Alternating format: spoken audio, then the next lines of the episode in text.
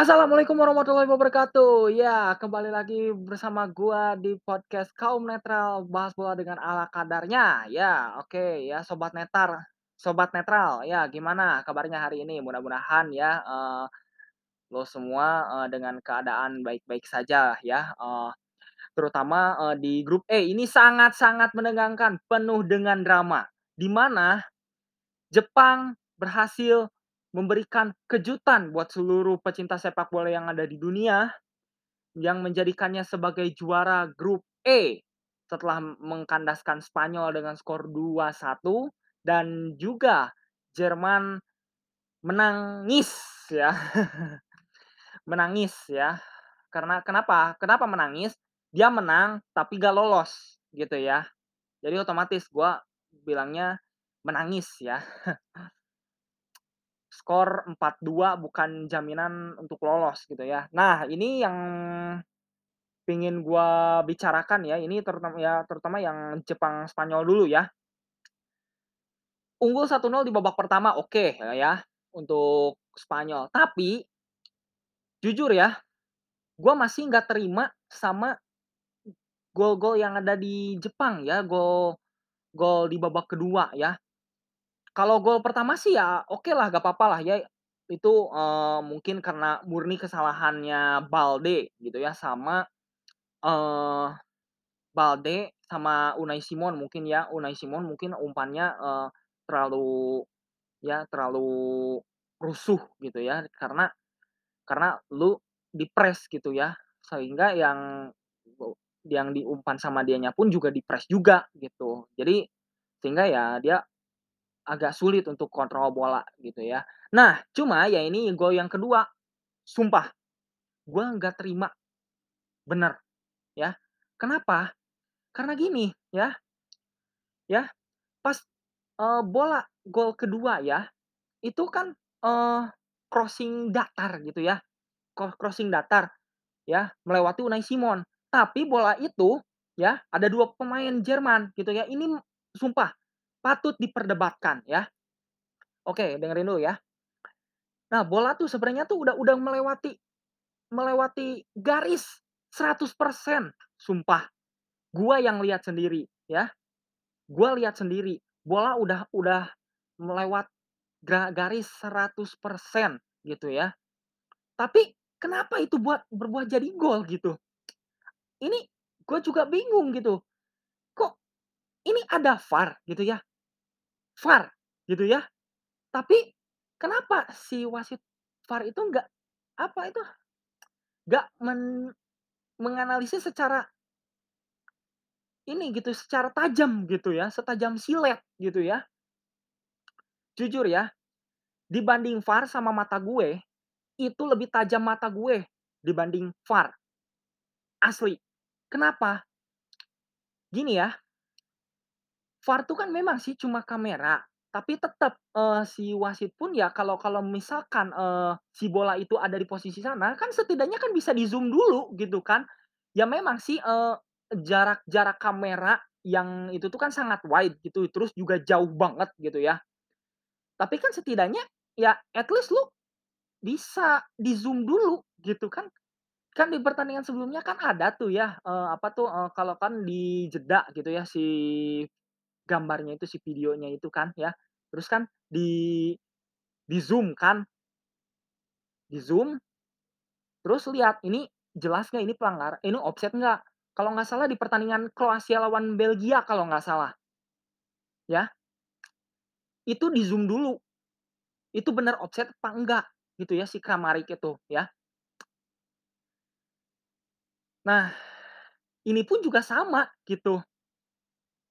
Ini wasitnya sumpah, gua gedeg banget sumpah. Padahal nih ya, lu tuh bukan hanya sekedar mendengarkan gitu, tapi lu lihat juga gitu ke videonya gitu. Kan biasanya kan Kak, kan biasanya kan wasit tuh kan, eee, kalau ngecek ke VAR tuh kan bukan hanya ngedengerin dari si wasit VAR-nya aja gitu kan, tapi kan si wasitnya itu kan eee, lihat dulu ya, lihat dulu videonya. Ini jangan-jangan apa apa mungkin sengaja gitu ya wasitnya itu, eee ngebiarin Spanyol kalah, biar Jepang yang menang, gitu. Nih ya, kalau gua ya jadi wasit ya, kalau misalkan jadi wasit kayak tadi yang bawain pertandingan Jepang lawan Spanyol, gua pasti ya ngecek dulu, gitu. Gua ngeyakinin dulu, yakinin dulu gitu, itu tuh sah atau enggak golnya. Kalau gua pribadi, nggak sah golnya. Kenapa? Karena bola sudah 100% melewati garis out. Sudah benar-benar 100% keluar lapangan. Gitu ya. Jujur ya. Itu gua gua ngomong objektif ya. Bahwa gol kedua itu gua katakan nggak sah, ya. Jadi sekali lagi, gol kedua yang diciptakan oleh Jepang itu nggak sah, ya. Oke. But anyway, ya mungkin, eee, Jepang ya meskipun juara grup, lo harus hati-hati juga, waspada juga. Lu boleh sekarang mungkin ya, eee menang hari ini, terus lu statusnya juara grup, tapi lihat lawan lu lawan lu siapa nanti. Ya. Lawan lu tuh siapa? Yaitu Kroa i Kroasia. Lawan lu tuh lebih hebat daripada yang sekarang, Spanyol itu. Memang Spanyol ya, ham hampir beberapa persen ya kalau nggak salah ya 60 sampai 70% diisi sama pemain pelapis ya. Ya mungkin pemain ininya apa tuh, pemain intinya ada beberapa persen lah ya, paling ya sisanya gitu ya. 30% pemain inti gitu ya. 30 atau bahkan sampai berapa persen ya. Nih ya, gini setelah 2 gol ya tersaji di timnas Jepang mereka tuh langsung parkir, parkir bis. Gitu. Padahal, waktu itu tuh masih panjang gitu. Kenapa lu mainnya parkir gitu, parkir bis gitu ya. Ini nggak tahu kenapa ya, ini Jepang tuh nggak tahu takut takut kebobolan lagi sam takau takut ke counter atau kayak gimana gitu. Selain parkir bis, dia ngincer counter juga, gitu. Ya memang sih, eee, yang tak eee, tim yang ngandelin parkir bis, itu pasti ya ngincer counter gitu ujung-ujungnya, gitu. Nah, terus juga nih ya, Spanyolnya juga demikian nih. Lu tuh udah udah udah apa tuh udah kebobolan, ya mungkin kebobolan 2 gol, terus terus juga nih ya, eee, dengan apa tuh apa tuh, dengan gol yang kedua tuh yang mungkin bisa dikatakan nggak sah gitu ya, banyak sekali diperdebatkan, ya. Kenapa lu nggak banyak berargumen gitu, berargumen teru ya, berargumen gitu ya. Ya di si Rodri kan padahal udah udah kelihatan gitu, angkat tangan bahwasannya itu tuh udah out gitu. Tapi nggak tahu wasitnya nggak tahu nggak percaya, nggak tahu gimana gitu, nggak tahu males gitu lihat videonya gitu ya. Tapi ini ya, yas eee, bukannya, eee, Spanyol nih, apa tuh lu cari celah kayak gimana, ini malah kasih crossing yang nggak jelas, gitu. Crossing nggak jelas. Eee syuting depan depan gawang, eh posisinya nggak enak. Sama satu lagi, lu dapat bola, dapat ru dapat ruang untuk syuting, eh syutingnya di luar di luar kotak penalti. Aduh, ini maunya kayak gimana nih Spanyol nih ya. Beruntung lu punya selisih gol lebih jauh dari dari Jerman. Coba kalau waktu lawan Kosta Rika kemarin se golnya berapa, habis lu. Ya mungkin gini ya di hasil akhir ini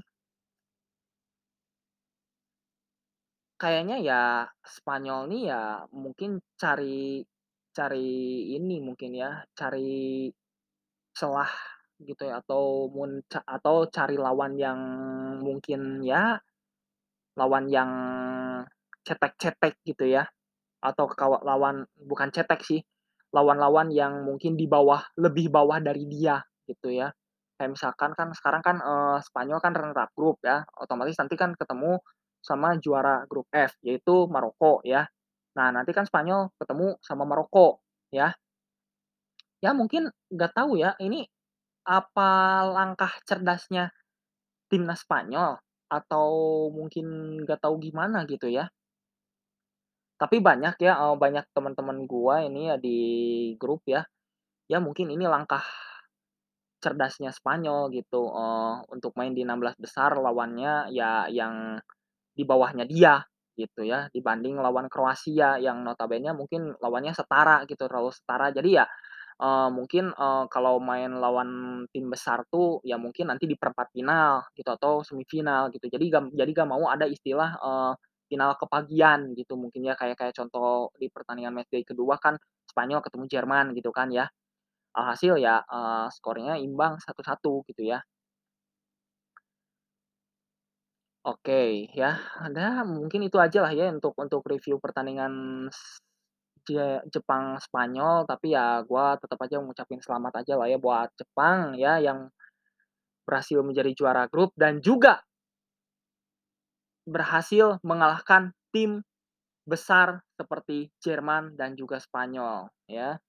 Tapi meskipun lawan Kosta Rika lu kalah 1-0 ya, dan Kosta Rika itu ya memang menangnya ugly win gitu ya, 1-0 gitu ya. Oke, kita, eee, tinggalkan aja lah ya ke pertan eee, tinggalkan aja dulu lah ya untuk pertandingan Jepang lawan Spanyol yang berakhir dengan skor 2-1 dan mungkin nanti akan diperdebatkan lebih lanjut lagi mungkin ya terkait golnya golnya Jepang yang gol kedua itu ya, golnya dari si Tanaka kalau nggak salah namanya ya. Oke, kita lanjut ke pertandingan Kosta Rika lawan Spanyol. Tapi sebelum ke sana nih ya, ini, eee, gua dapat beri dapat berita ya, eee, breaking news ya, eee, dengan hasil Bel dengan hasil grup F ya, yang Bel Belgia nggak lolos ke babak knockout ya.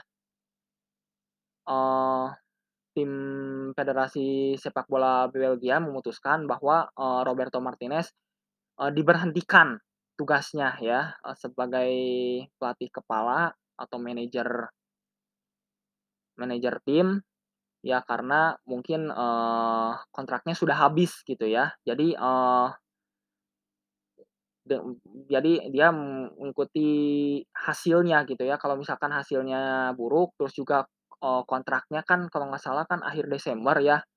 Jadi dia memutuskan untuk, eee, mundur dari kursi kepelatihan timnas Belgia gitu ya. Tapi ya good luck lah ya untuk di untuk Roberto Martinez ya semoga, eee, cepat dapat tim baru ya.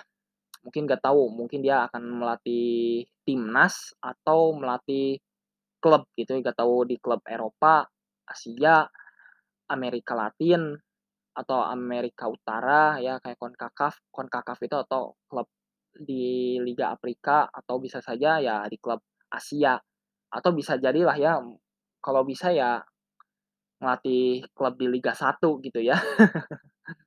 Janganlah, jangan jangan jangan. Nanti ya, eee, kalau kalau klub Liga 1 sih mending ya ya jangan jangan Roberto Martinez dah, mending yang lain aja ya. Masih banyak kok pelatih top yang sehebat Roberto Martinez. Oke, kita lanjut lagi ke pembahasan grup E ya, ke pertandingan selanjutnya Kosta Rika lawan Jerman ya. Gua harus akui ya memang, eee, Jerman nih memang layak menang gitu ya. Tapi ya dengan catatan mungkin ya, eee, Spanyol. Spanyol eh, Je Jepang itu dikalahin sama Spanyol gitu, gitu ya. Tapi nyatanya malah kebalik gitu ya, atau kalau enggak ya mungkin, eee, Jerman harus ngejar gol yang lebih banyak lagi gitu ya, lebih banyak dari Spanyol gitu kan, Spanyol kan menang 7-0 ya, sedangkan ya Jerman mungkin harus lebih dari dari itu gitu ya, mungkin ya bisa 9-0 gitu ya. Nah, ini kan di pertandingan kali ini kan, oh additional time-nya aja sampai 10 menit gitu ya.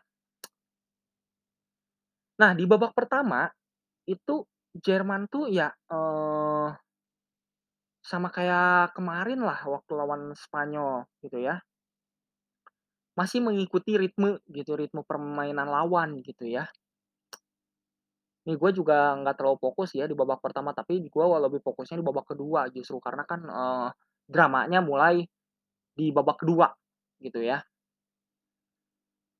Nah, ini yang lebih parahnya lagi kenapa, eee, Hansi Flick memainkan Kai Havertz tuh, eee, di babak kedua, itu telat ya menurut gua.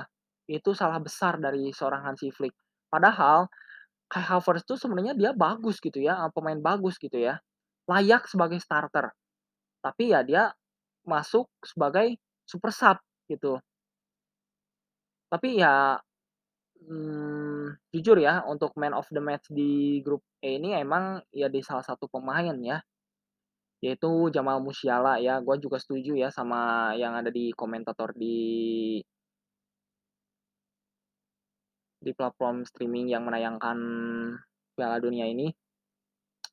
Jujur ya, eee, ya, eee, gua juga setuju ya, Jamal Musiala jadi man of the match ya, karena dia berhasil, mmm, ngasih assist ya ke Kai Havertz sebanyak 2 kali ya kalau nggak salah deh, karena kan dia juga cetak 2 gol ya. Nah, banyak sekali pemain-pemain super sub ya bermun munculan datang dat datang datang ke lapangan, dia cetak gol gitu ya, bukan hanya Kai Havertz saja, tapi tadi si Niklas Füllkrug ya. Itu golnya si Niklas Füllkrug pun juga, eee, nyaris offside gitu ya, karena kan, eee, dilihat si Sané kan masuk jebakan offside gitu ya. Tapi kan ya gini, apa tuh, kayaknya wasit tuh lebih ngarah ke si fullback-nya gitu, karena kan si fullback kan masuk ada ada jebakan offside kayaknya ya. Tapi kan bola itu kan ngarahnya kan ke si Sané. Nah, itu saking smart-nya Sané gitu ya, dia dia nggak egois gitu ya. Akhirnya dia, eee, kasih assist ke si fullback, akhirnya dia gol gitu ya. Tapi beruntung ya, eee, gol tuh nggak dianulir gitu ya. Tapi ya mau menang berapa pun gitu ya, misalkan 4-2 ya, kayak 4-2 itu, ya tetep aja, nggak eee, nggak jadi jaminan gitu ya. Apalagi ini di menit-menit akhir gitu, lo ba baru ngegas gitu ya. Nah ini gua juga agak syok gitu ya. Eee, ngelihat ya permainan Jerman tuh ya sehancur ini gitu. Ya 11-12 kayak di Piala Dunia sebelumnya lah. Apa mungkin, eee, masa kehancurannya timnas Jerman ya di tahun ini gitu ya, atau kenapa gitu ya. Padahal kan udah udah, eee, diasuh sama Hansi Flick gitu ya. Apa mungkin ya ini Hansi Flick nih masih ini, masih mencari gitu ya, masih membangun tim gitu ya. Jadi belum belum 100% siap pakai gitu ya. Karena kan ya Hansi Flick kan ini baru pertama kalinya gitu ya, eee, main di Piala Dunia gitu ya, me melatih timnas Jerman di Piala Dunia gitu ya. Karena kan sebelumnya kan si Hansi Flick ini kan jadi asisten pelatih ya, terus jadi pelatih di Bayer ya. Dan dia kan, eee, gantiin posisi Joachim Löw tuh di setelah Euro ya. Dia langsung masuk. Ya, ini mungkin ujian terberat ya bagi Jerman, di mana harus kembali lagi berbenah gitu ya, dalam menghadapi ujian yang sangatlah berat gitu ya. Nggak tahu ini mungkin Jerman mengikuti jejak timnas Itali gitu ya, karena kan Itali juga di tahun 2006 kan juara ya. Eee, 2010 nggak lolos fase grup, 2014 pun demikian gitu ya. Karena kan ya lawannya pun juga cukup berat gitu ya, setara gitu ya. Waktu itu kalau nggak salah, eee, satu grup sama Kosta Rika juga ya, sama Uruguay, sama Inggris gitu ya. Hingga akhirnya yang lolos tuh Uruguay, Kosta Rika justru. Sedangkan, eee, duo Eropa di dalam satu grup itu Italia, Inggris gugur gitu ya. Oke balik lagi ke pertandingan ya. Tapi ya di sisi lain gitu ya memang, eee, Jerman menguasai permainan gitu ya di babak kedua nih. Bahkan ya Anthony Rudiger ya, sak ya saking nggak mau kebobolannya lagi itu ya beruntung dia masih aktif gitu ya di permainan tadi itu. Dan beruntung gitu ya, eee, Jerman masih punya bek sekelas Rudiger. Coba kalau kalau Rudiger udah udah ditarik keluar, mungkin udah beda udah beda lagi cerita gitu ya. Dan dari kiper sih ya Hansi Flick masih percaya sama Neuer gitu ya dibanding Kevin Trapp atau Stegen gitu ya. Padahal kan Stegen kan, eee, di Barca aja sekarang kan sering jadi pahlawan gitu ya. Oh, banyak sekali save-save yang gila-gila gitu ya, tapi ya Hansi Flick ya mungkin masih percaya lah ya sama Neuer. Tapi ya masih masih prima sih, eee, apa tuh kondisinya gitu ya.